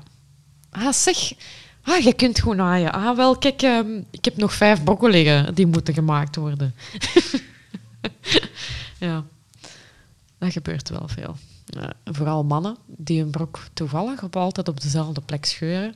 Heb je dat ook voor, tussen je benen, dat het daar altijd scheurt? Nee. Nou, dan draaide jij misschien wat normaler dan de rest. Ik weet niet. Ik zeg altijd, doe je dan een grande kaart mee of zo? Ik weet het niet, maar... er zijn mensen die een broek veel te laag dragen, hè? Het zal misschien dat zijn. Ja. ja. Ik dat, het enige wat ik daar wel al mee heb gehad, is met mijn historische broeken. Ah, ja. dat, die draagde heel hoog. En die durven alles een beetje afzakken, maar dan heb je echt zo ja, een, een patatenzak aan je gat hangen. En als je dan door je knieën gaat, dan... Ja, maar ja, het is letterlijk... Ja, een zijpgat, zeggen ze daar ook tegen. een zijpgat? Dat is als je broek te laag hangt en dat je zo een, uh, een zakje krijgt van achter. Ja, een zijpgat. Ja. ja, langs gezien. Maar dat is een of ander dialect dat ik niet weet van waar het afkomstig is. maar ik vond het heel goed, zijpgat. maar dan snap ik dat je broek kan scheuren, maar anders moet al echt, echt wel moeite doen. Ja, Kijk, maar ja, er gebeurt al wat op de film zetten. Dat, is een feit, dat zeker is. het is een zottekot. Ja. Dat is een feit. Hm. Moest je nu na die anekdote en uh, deze beschrijvingen toch nog costumière willen worden, welke, welke, welke, welke tips heb jij, Sarah, voor, voor ehm, starters of voor, voor ah, ja. jongeren zelf, als je er ooit aan begon? Voor de jongeren zelf. Ja. Man, man, man. Um, ja, um, eerst en vooral als je kostumier wilt worden, dan gaat uw assistent te maken krijgen met uh, dingen zoals mijn laatste anekdote. Heb jij daar gelukkig geen last van? Um. ik vermoed, als, in België start je vaak toch als kleedster ja, dan kostumière. Hè? Ja, ja, er loopt wel een beetje de ja. Ja. echelons. Ja, ja, ja. Allee, Denk bij de meeste. Je hebt maar de lucky few die plots kostumière zijn en nog nooit een dag van hun leven op zet hebben gestaan. Ja. Um, maar ja, tips. Um, wat voor mij heel interessant was en leerrijk, was bijvoorbeeld kortfilms. Hè? Masterfilms doen voor studenten. Ja, het brengt misschien niks op, maar um, dat zeg ik ook wel tegen iedereen die net begint. Van, ja, je moet sowieso eerst ervaring opdoen. Ik zeg niet dat je onbetaald moet werken, hè, dan ja. Maar als het gaat over ja, kostuumontwerp, is dat een interessante leerschool. Um, waar je vaak ook leukere, uh, misschien iets creatievere dingen mocht doen. Um, en het is gewoon goed voor je cv. Ervaring voor cv. En, ja. Uh, en contacten ook, uiteraard. Uw, netwerk opbouwen is denk ik het belangrijkste van al. Mensen moeten u kennen, hè. uw naam moet naar buiten komen. En, en het, waar dat je het meeste job uithaalt, vooral, om het zo te zeggen, is, is um, ja, dat mensen nu bellen gewoon. En mensen nu vragen. En die, die, herkennen uw naam, of die horen van u, of, of ze hebben al eens met u samengewerkt en ze bellen u voor een project. Dat is, dat is eigenlijk, denk ik, het belangrijkste, belangrijkste basis um, om daarin te groeien. Hm. Zo is het toch vooral bij mij nu aan het gaan. Dus, uh, ja. Misschien nog een, uh, nog een algemeen vraagje. Mm -hmm. Wat is voor u, hoe wordt het kostuumdepartement naar uw mening anders behandeld als je kijkt naar pub, tv en film? Zit daar beetje eenzelfde lijn in? Of heb je de indruk dat bij bepaalde zaken toch nog meer rekening wordt gehouden met. Um, ik denk niet dat er per se uh, verschil zit tussen film, tv of pub. Alhoewel in pub dat meer uh, dat er soms heel veel aandacht wordt geschonken aan, aan um, iemand zijn outfit bijvoorbeeld, om het simpel te stellen. Omdat je dan nog zes klanten mee om de voilà, te zien die, die iedereen, allee, elk ook een mening hebben. Inderdaad. Ja. ja. nu, in film en tv is er denk ik niet veel verschil. Ik denk dat je eerder verschil ziet um, naarmate de, de, de stijl van het project of zo, of, of van, van de kledij. Ik denk als het gaat om, om historisch of, of moderne kledij, ja, bij historisch gaat kostuum heel veel aandacht krijgen, uiteraard. Want dat vergt gewoon en, en expertise. En, um, terwijl bij styling, bij, bij moderne kledij, ja, dan is dat veel anders. Ik denk dat er eerder daar verschil in zit dan tussen pub of, of, uh, of fictie, eigenlijk. Ik bedoel dan ja, dat bij iets dat zich in het heden afspeelt en mensen bijna vergeten dat ze kleren moeten aan. Allee, niet, niet, dat ze daar bloot gaan staan, maar ik bedoel dat er over... Allee, ja, ja. Allee, dat komt ook wel voor, dat ze hun broekjes vergeten. Ja. nee, dat is niet waar. Dan ben ik er om hun eraan te herinneren. um, ja, ja. Ik denk dat dat vooral zorgt voor het verschil in aandacht uh, naar kostuum toe. Ja. Um, en ook gewoon hoe belangrijk dat een regisseur het vindt dan. Dus je, je ziet het ook wel ergens als de verantwoordelijkheid van de regisseur dan voor daar extra op te hameren? Uh, nee, niet per se, maar sommigen zijn daar heel fel mee bezig en sommigen dan weer niet. Um, nee, het is nog altijd de taak van ons departement om, om als er iets niet juist is, om daarop op, um, allee, op in te gaan en te zorgen dat dat opgelost wordt. Dat ja. wel. Ja, ik kan me inbeelden dat met de, met de tendens dat we nu dan waar we een beetje naar aan toe zijn aan het gaan, mm vanuit productiehuizen dan, of van zenders, weet ik veel, waar dat het vandaan komt. Dat, ja, als je al wordt weggecijferd of uh, versmolten, dat, dat je nog wel ergens iemand nodig hebt die mee voor u... Ja. Allee, ik zeg je dan niet dat het kostuumdepartement niet sterk genoeg is om op tafel te slagen, maar als ze dan maar alleen zijn of ja. worden nee, dat is waar. Het is inderdaad wel interessant om gewoon iemand ja, dat er iemand is in die productie die wel dat heel belangrijk vindt. Al de, al, al de departementen uiteindelijk. Ja. Um, ja. Maar ja, soms voelde ik gewoon dat het allemaal niet veel uitmaakt. Allee, de term fuck records is uh, niet voor niks uh, bekend geworden. Voordat wij naar het volgende segmentje gaan, zijn er nog bepaalde dingen over jouw parcours of over de sector of over kostuumdepartement die je graag wilt delen of, of zo? Goh. Dingen die ik als naïeve regisseur ben vergeten. ik vind dat jij daar uh, wel genoeg aandacht aan schenkt, eigenlijk. Allee, als compliment bedoeld, uiteraard. Nee, um, wat ik wel soms denk, er wordt soms serieus onderschat wat um, allemaal komt kijken bij een departement. Maar dan denk ik dat ik, dat ik niet alleen spreek voor kostuum, maar ook anderen. En wat werk dat we daar eigenlijk allemaal in steken. Um, langs de andere kant, ja. Allee, het is, ik ben nu veel misschien wat negatiever aan het praten, maar ik, voor dan de mensen die het misschien ooit willen doen, zal ik zeggen, het blijft nog altijd echt super tof. Um, het is gewoon, sets zijn gewoon het, eh, het is zwaar, maar het is ook gewoon prettig. En het is een intense samenwerking met, met tussen departementen, tussen crewleden. Um, waar je soms ook gewoon echt vriendschappen uithaalt uh, en gewoon leuke connecties. En het is, um, het is speciaal, maar het is, het is leuk. ja. Nou, we zijn misschien kritisch, maar net omdat we het graag doen en omdat we... Het is dat. Ik denk dat dat... Allez, ik, heb zo wat schrik om heel altijd negatief te klinken, maar dat is gewoon eerder uit ja, de, de passie voor wat dat we doen. En we willen gewoon graag dat het goed, goed gebeurt en dat we allemaal allez, gehoord worden, zeg maar. Ja. En, uh, als het allemaal negatief zou zijn, dan zou ik het niet meer doen, denk ik. Hè. Voilà, voilà, het is dat. dat zeggen we ook heel vaak. Als je het niet graag doet, dan houden zo'n dingen niet voor nee, ja. voilà. Sarah, zijn er als kostumière nog projecten in het vooruitzicht waar je iets kan over vertellen, of is dat allemaal geheim? uh, als kostumière niet meteen eigenlijk. Nee. Is er dan een project dat je een soort project dat je heel graag zou doen in de toekomst? Oh, ja, ik ben eigenlijk heel, uh, heel hard aan het denken om een keer um, proberen contact te maken met uh, Engelse productiehuizen.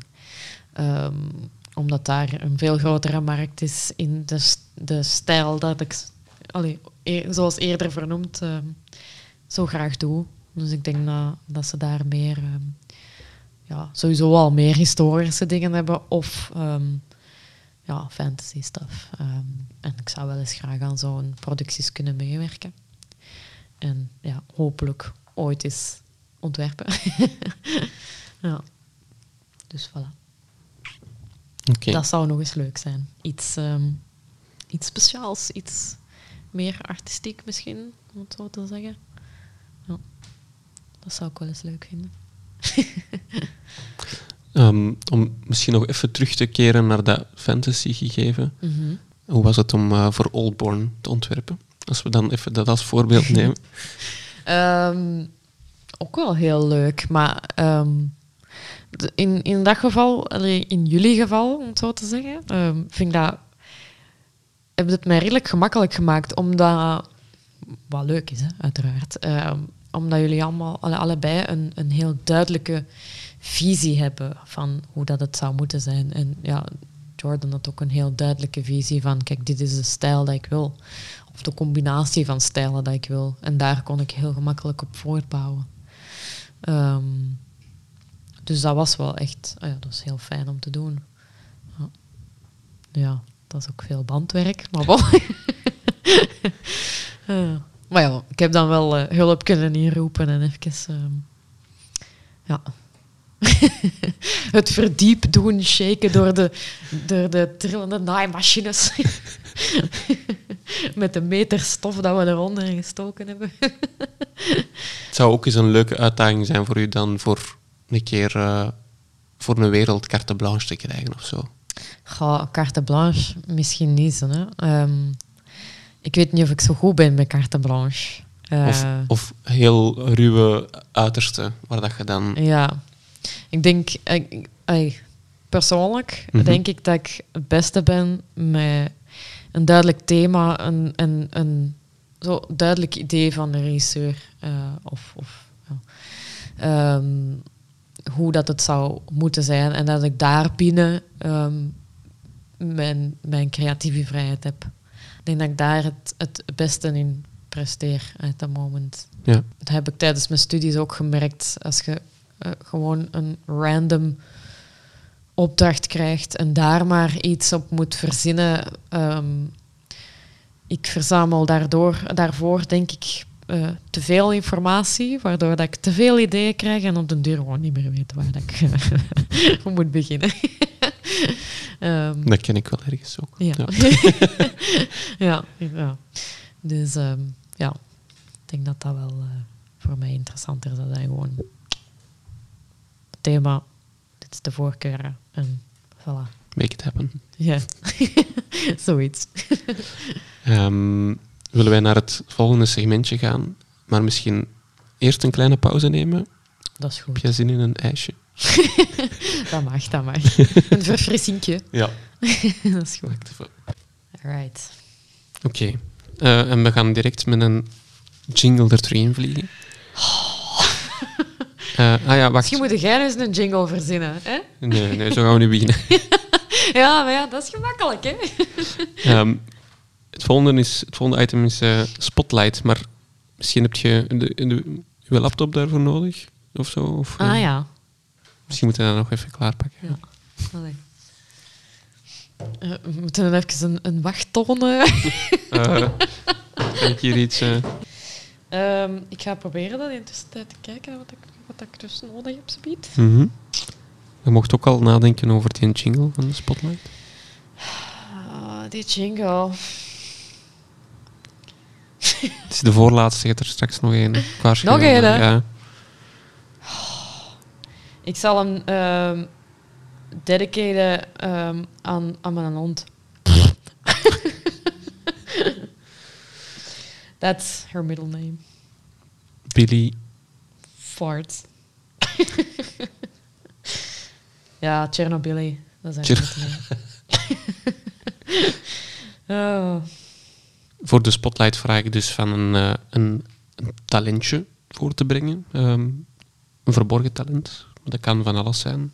Uh, wat heb jij voor ons mee vandaag, Sarah? ik weet niet waarom ik dat zo raar van, heb. Van verborgen talent? Ja. Um, speciaal voor jou heb ik bij. Ik heb helemaal niet veel verborgen talenten, denk ik. Maar um, wat ik voor vandaag bedacht heb, is um, aquarellen. Dat ik dat wel um, graag doe. Ik weet niet of je dat kunt categoriseren als verborgen talent. Want ik heb dat eigenlijk ook gewoon geleerd van mijn omaatje, die heel mooi kan aquarellen. Dus het is ook, heeft wel wat betekenis voor mij. Mm. Dat ligt mij wel, zeg maar.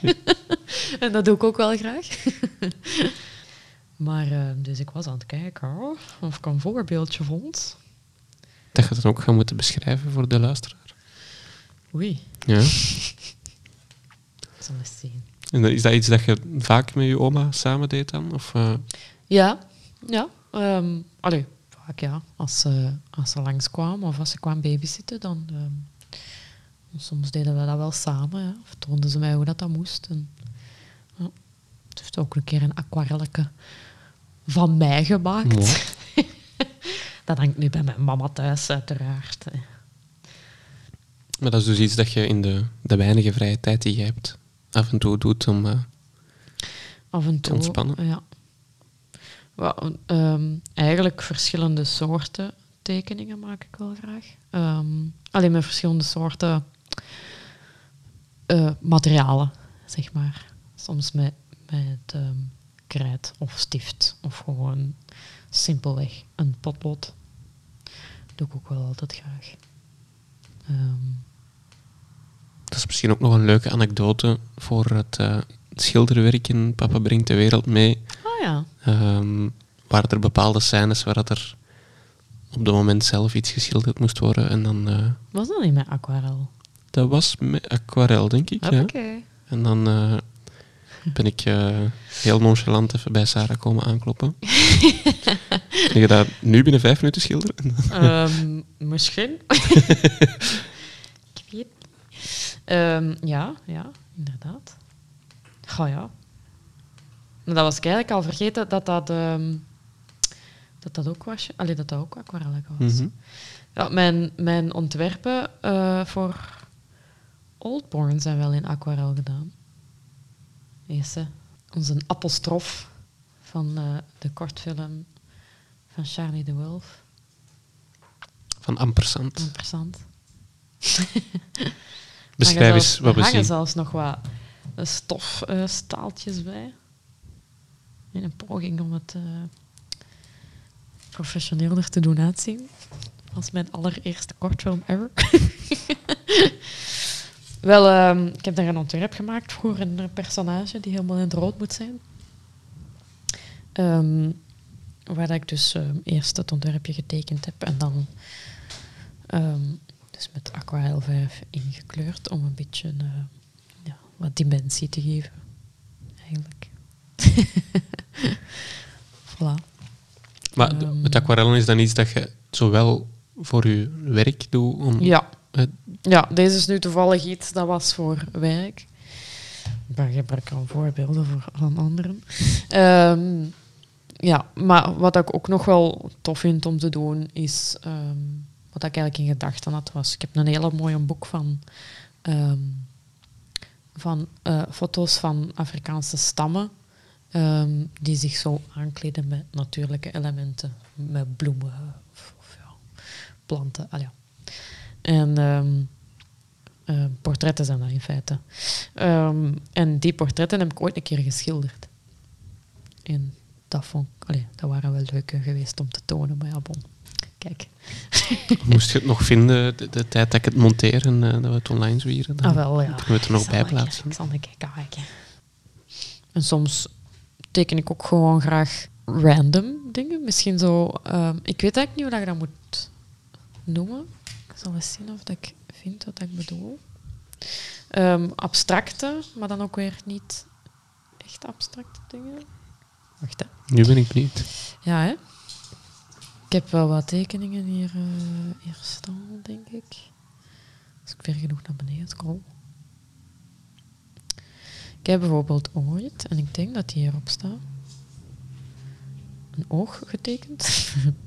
dat is zo, waar dat een lijn uit voortvloeit die dan in scribbling wordt. Hoe noemde dat eigenlijk? Dat, is, dat is een, waarschijnlijk een Nederlandse term voor. Hier. Als er zo een betekenis achter zit. Ja, man. Ja, Panko. Rustig. Um, wacht, Hij wil de spotlight op hem. Ja, het is dat. Mm -hmm. Wacht, dus we zien een oog waar een soort traan uitloopt die ja. naar omhoog loopt en waar muzieknoten had. Nee, het zijn geen muzieknoten, het zijn gewoon scribblingen. Ah. Ik, ik, ik, zag er in de scribblings al muzieknoten bijvoorbeeld. Hoppa. muziek doet heel veel met mij. Dus dat kan wel, dat daarin zit. Ik was zeker ook naar muziek aan het luisteren als ik het getekend heb. maar voor, ik, ja, dat zal een term hebben in de kunst, maar dat weet ik nu ook niet. Ah, wel. Ik heb daar eigenlijk al even op zitten zoeken, omdat ik dat wel... Als ik gewoon iets teken naar gevoel, mhm. dan is dat altijd zo twee bepaalde onderwerpen die elkaar overvloeien of zo. Of zo. Ehm, ja, eigenlijk gewoon uitbeelden wat ik denk op een moment of zo, of, of een gevoel of zo. Het is, het is ergens, ik zou het dan omschrijven als een soort, ergens tussen een magisch realisme en een, en het surrealisme of zo. Ja. Ja. Een deel van, alleen omdat je met dat oog heb je dan nog een concreet onderwerp, maar toch die achterliggende ja. Ik merk, want ik ben natuurlijk speciaal door mijn uh, tekeningen gegaan. En ik merk dat dat wel vaak is als ik gewoon zo random teken, dat dat zo, zo'n dingen worden. Heb je ooit gedacht om um, zelf een tattoo te ontwerpen? Uh, ja, eigenlijk twee van mijn tattoos heb ik zelf ontworpen. Aha, kijk. Uh, dat doe ik ook heel graag eigenlijk. Ik zou het nu ook niet per se een uh, talentje noemen of zo. Maar het has crossed my mind. Um, want um, voor mijn beste vriendin bijvoorbeeld heb ik ook al twee van haar tattoos ontworpen. Ja. Allee, soms zijn dat ook gewoon ideeën dat ik een beetje herteken. Um, maar ja, mijn eerste twee tattoos zijn zelf, zelf gemaakt. Ja. Kun je ons daar iets over vertellen? Oh, dat is... Ah, wel, die op mijn arm zal ik dan over praten, gezien dat ik die het beste kan zien. um, ik vind het altijd moeilijk om, om uit te leggen als mensen uh, mij vragen wat dat betekent. Um, maar ja, dus het, is het lijkt op een soort kompas, vaak, zeggen de mensen. Het is ook wel, denk ik, ja, daar wel op gebaseerd. Um, maar dat is eigenlijk gewoon een, een, uit, allee, of een, of een, herinnering aan de reizen dat ik gemaakt heb. Um, in het jaar dat ik in het buitenland gewoond heb en, en, de reizen daar rond dat ik gemaakt heb en alles wat ik heb um, geleerd en gezien heb en meegemaakt en vooral hoe, ja, hoe mooi dat dat achter, achteraf gezien geweest is. Want op dat moment zelf apprecieerde nooit, um, of toch niet altijd, waar dat je bent en wat dat je meemaakt. Ik heb daar levenservaringen op gedaan dat mij ja, dat mij altijd zullen bijblijven. En dat heb ik in een, in een tekening willen gieten en permanent op mijn vel gezet. ja. Ik vraag het maar omdat ik zie ergens in die stijl, die dat je dan, waar we naar op zoek zijn, hoe dat we die moeten noemen, wel een, een, uh, ja, een soort verbeelding die dat vaak in hm. tattoos worden verwerkt, omdat je wel iets concreet hebt, maar toch ook een verhaal vertelt in die in hm. iets abstracter dan of zo. Dus dat zie ik nog wel gebeuren. ja, oké. Okay, voilà. Kijk. We hebben een, een soort uh, ja, connectie gevonden. ja. Nee, um, als ik, als ik zo... Allez, als ik um, bijvoorbeeld um, tattoos uh, ontwerp, dan heb ik wel graag dat er veel betekenis achter zit. Ze hebben allemaal wel een beetje een Eigenlijk zijn we tattoos een beetje een voorbeeld van mijn emotionele route die ik heb afgelegd doorheen de jaren dat ik ze ondertussen gezet heb. ja, een soort levensweg. We hebben de spotlight dan iets breder getrokken van uh, ja. kunst op papier naar kunst op de huid. Voilà. Bij deze. Dat is uh, ook kunst. Voilà. voilà. dan um, dan uh, gaat Sarah straks nog uh, flink zoeken naar andere voorbeelden. En dan zullen wij nu overgaan naar het volgende segment. Yep. En het volgende segment, dat is het ding van de week. En daar mag jij ook nog een uh, jingle voor maken. Oh, die jingles. Had ik niet zien aankomen, zullen. Ik ga daarvoor uh, poef gebruiken. Oké, bij deze. Poef, het ding van de week. Wat is jouw uh, ding van de week of van de maand of het jaar? Of? Ah, wel, wat ik de laatste tijd mij zo zorgen in maak, is dat ik... Um, veel vergeet. Um, allee, dat is eigenlijk al... Allee. Ik heb sowieso, denk ik, niet zo'n goed geheugen, denk ik dan. Allee, als je ziet wat sommige mensen herinneren en dat ik gewoon vergeet of niet meer weet. Uh, maar de laatste tijd was dat precies heel erg. En ik dacht, ik ga nu eens gewoon opzoeken. Allee. Hoe komt dat, dat je veel vergeet? Blijkt dat je gewoon een keislim brein hebt. um, dat gewoon je brein um, heel goed is in nutteloze dingen verwijderen. Omdat je dan te veel andere informatie binnenkrijgt. Dus die maakt dan plaats voor, ja, voor de nieuwe informatie dat binnenkomt. Want als je nu kijkt naar um, voor mijn werk, onthoud ik echt de kleinste dingen meteen en heel goed. Maar daarbuiten ben ik enorm vergeetachtig persoon. dat is zo precies of ja, je brein weet van dit is belangrijk, dit moet je bijhouden. Ik dacht, oh my god, ik heb gewoon jong dementie. Waar dan niet mee mag gelachen worden, uiteraard. Maar bon, ik maakte mij daar zorgen over. Maar ik heb dus onlangs een filmpje gekeken dat zei van, kijk, misschien is dat gewoon omdat de brein slim is. dacht ik, oh, dat kan ik beleven.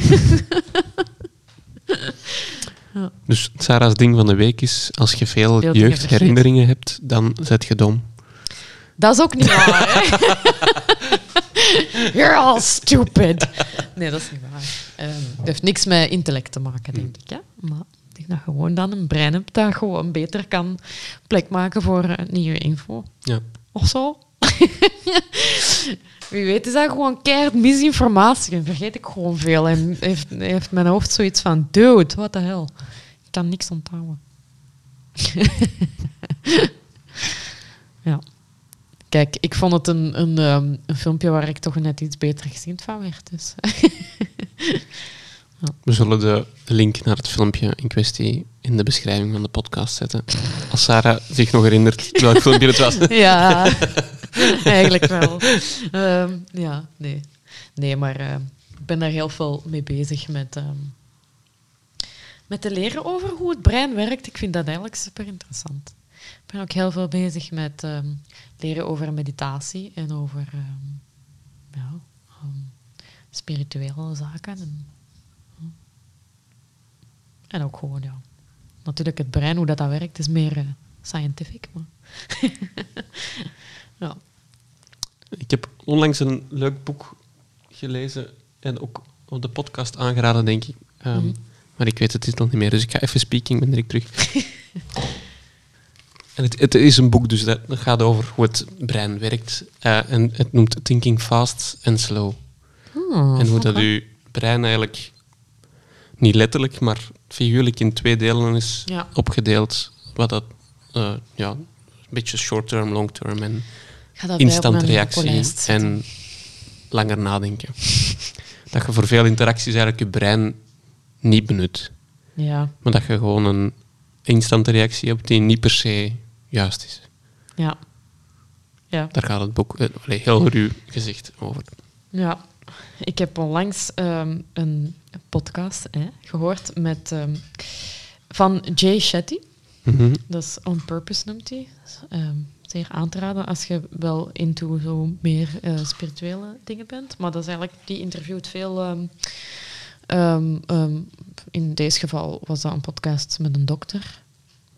Maar ook veel celebrities of schrijvers of gewoon business people. Super interessante podcast, al veel van geleerd. Uh, maar dat was dus een met uh, Dr. Daniel Amen, of Amen, hoe dat je het wilt. En um, die heeft boeken over je brein trainen zelfs. Nee, ook gewoon om een gezonder brein te krijgen. Want het is eigenlijk gewoon ook een spier dat je kunt trainen. En dat vind ik ook... Ja, die boek moet ik nog bestellen. Maar um, ja, dat lijkt me heel interessant. ja. Dus, we gaan dat hier opschrijven. Thinking fast and slow. Nou, lassen. Bij op mijn... Uh, boekenlijstje alleen maar langer wordt. En als er iemand um, heel uh, trage lezer is, dan is het de deze. ja, het is niet dat je na een film zit nog even uh, een, een breinboek gaat openslagen. Plus, je kunt ook wel proberen lezen, maar paragraaf 1 en BB ligt al in slaap. Allee, ik lees wel graag, maar uh, soms lukt het gewoon echt niet. Ja. Dus voilà. Ik zal als uh, mijn ding van de week dan uh, het YouTube-kanaal van uh, Bernadette Banner nemen. Dan staat dat ineens in de beschrijving. Dan kan ja. ik het naar linken.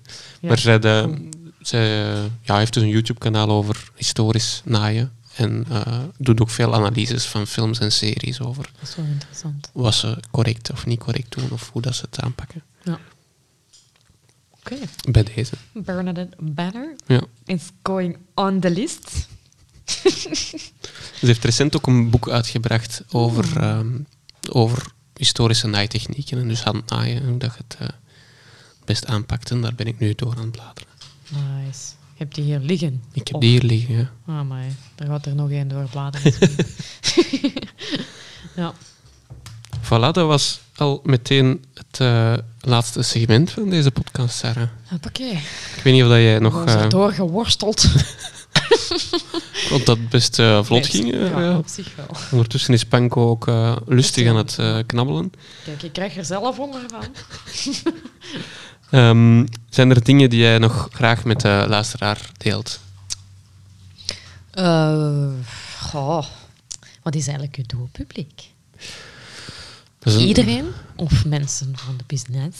Um, ik, ik denk dat het vooral voor, voor mensen geïnteresseerd in film. dus dat kan mensen in de sector of gelieerd aan de sector zijn, of filmstudenten. Trek het een beetje ruim. Een, een algemene boodschap. De film, het is niet allemaal glamorous, maar het is wel echt... Um, het is een mooie business, moet ik zeggen. Kom allemaal in de film werken. Maar ook niet, allemaal. Nee, nee. Allebei ook zo tegelijk. Kom allemaal naar de film kijken dan. Ja. ja zodat wij grotere projecten kunnen doen. Ga naar de cinema. Ja. Betaalt af en toe voor uw film. Voilà. Ja. Goed gezegd. Ja. Um, waar kunnen mensen jou vinden op de socials of de websites of toestanden? Waar kunnen ze jouw werk bewonderen, buiten op tv en in de cinema? Um, ik heb een website, moet gewoon mijn naam.be. Ja. Komt in de ehm, beschrijving. Voilà. Um, en ik heb ook een Instagram. Dus je mij, mijn persoonlijke staat op privé, maar mijn costume Instagram die staat niet op privé. Daar kunt je gewoon op kijken. Ik ben helaas wel niet zo goed in mijn Instagram posts up-to-date te houden. But um, working on it. Ja. Oké, dan uh, dus een website en een Instagram. En dan ja. um, rest er mij jou nog te bedanken voor de fijne aflevering. Dat is graag gedaan. En dan uh, zeggen we doei bij deze. Doei.